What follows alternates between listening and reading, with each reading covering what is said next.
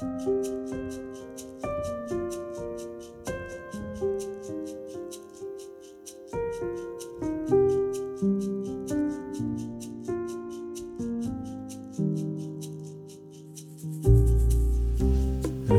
alltid glade.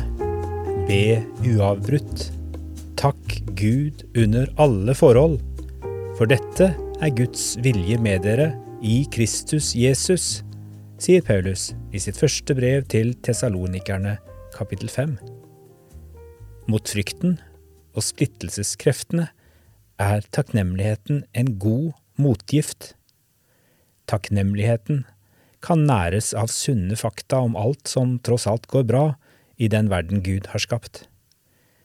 For meg som tror på Guds skaperkraft, er det et vitnesbyrd om at Han ikke har trukket seg tilbake og overlatt oss til oss selv. Takk Gud for at det går så mye bedre med verden på mange områder nå enn før. Kan vi be slik? Hva slags skjønnmaling av virkeligheten er dette? Ja, det kommer an på øynene som ser. Hvorfor faller det ikke naturlig å være takknemlig? Kan det ha noe å gjøre med informasjonssamfunnet? Måten vi overveldes av informasjon på, og typen informasjon vi tar inn? I boka Progress – Ten Reasons to Look Forward to the Future dokumenterer den svenske historikeren Johan Nordberg at verden objektivt sett er i en bedre forfatning enn den noen gang har vært. Er det troverdig? Hva med krigen i Ukraina? Hva med Gaza og Israel? Hva med de over 40 andre krigene i verden nå? Hva med flyktningene i Middelhavet? Hva med Nord-Koreas atomvåpen? Hva med ekstremværet mange steder? Her finnes da mer enn nok å bli nedtrykt av. Hvorfor bruke dyrebar tid med Gud på å glatte over situasjonen når det er så mye å ta fatt i, både for han og oss. Kanskje fordi vi skal snakke sant om livet både med Gud og hverandre, og bildet av Guds verden er mye mer nyansert enn vi har lett for å tro. Johan Nordberg deler de globale indikatorene på tingenes tilstand inn i ti kategorier – mat, hygiene, levealder, fattigdom, vold, miljø, leseferdigheter, frihet, likhet, og oppvekstvilkår. På alle disse områdene har det skjedd store framskritt i vår generasjon. Her er bare noen få eksempler. Andelen av verdens befolkning som lever under ekstrem fattigdom, det vil si på mindre enn to dollar om dagen, er nå under 10 prosent.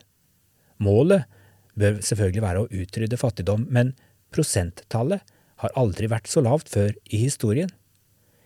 Risikoen for at et menneske skal oppleve krig i sitt liv, dø av en naturkatastrofe eller leve i et diktatur er mye mindre enn i noen annen tidsepoke. Barnedødeligheten er rekordlav. Det er mer sannsynlig at et barn født i dag lever til det er pensjonist, enn det var for 30 år siden at et barn opplevde sin femårsdag.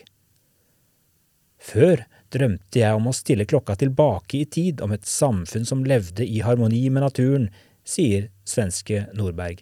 Jeg tenkte ikke over hvordan folk faktisk levde før den industrielle revolusjonen, uten medisiner og antibiotika, rent vann, tilstrekkelig med mat, strøm, hygiene. Jeg tenkte på det som en moderne utflukt på landet. Sannheten er at de gode, gamle dager var fryktelige. Så hvorfor tror vi alt var bedre før?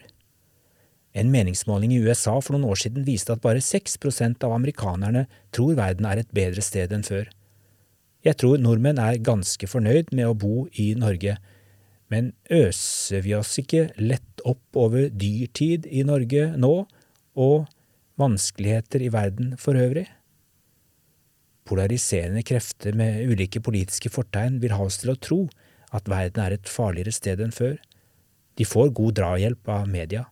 Nå konkurrerer nyhetssendinger om oppmerksomheten vår hele døgnet, og det er dårlig nytt som selger. Ingen vil høre om at et fly har tatt av fra rullebanen, men de vil høre om det har falt ned. Folk flest ser ut til å elske og jamre seg over verdenssituasjonen, særlig når ansvaret kan legges på noen andre. Vi har gjort oss nærmest avhengige av den daglige dosen med sjokkartede nyheter. Mennesker som drives av frykt, ser ikke etter muligheter, de søker beskyttelse. De stemmer ikke for åpenhet og frihet, men for sterke politikere som lover dem sikkerhet. Dette har også skjedd før i historien. Som troende i Guds verden skal vi ikke lukke øynene for verdens nød. Vi skal ikke nødvendigvis slutte å følge med på de dårlige nyhetene. Men iallfall jeg trenger å øve meg på å være kritisk til hva jeg fyller horisonten min med, for media formidler bare bruddstykker av virkeligheten. Hvordan kan vi på en sannferdig måte snakke om det som er galt i verden, hvis vi ikke er like sannferdige å peke på alt som er riktig? Mot frykten og splittelseskreftene er takknemligheten en god motgift. Takknemligheten kan næres av sunne fakta om alt som tross alt går bra i den verden Gud har skapt. For meg som tror på Guds skaperkraft, er det et vitnesbyrd om at Han ikke har trukket seg tilbake og overlatt oss til oss selv. Jeg har et lite dikt som jeg skrev for noen år siden, som jeg bruker for å minne meg selv på hvor viktig det er å takke når mørket kan true med å overvelde mitt sinn. Det heter Te før akk. Hva gjør du? spurte hun. Jeg akker, svarte jeg. Hva gjør du? spurte jeg. Jeg takker, svarte hun. Godt og riktig å akke, men først takke. Jeg lar vinduet åpnes, tung luft byttes med frisk pust hentet fra vinden. Deretter tilbake til akke. Så annerledes med T først. T som et kors. Han led for, han lider med.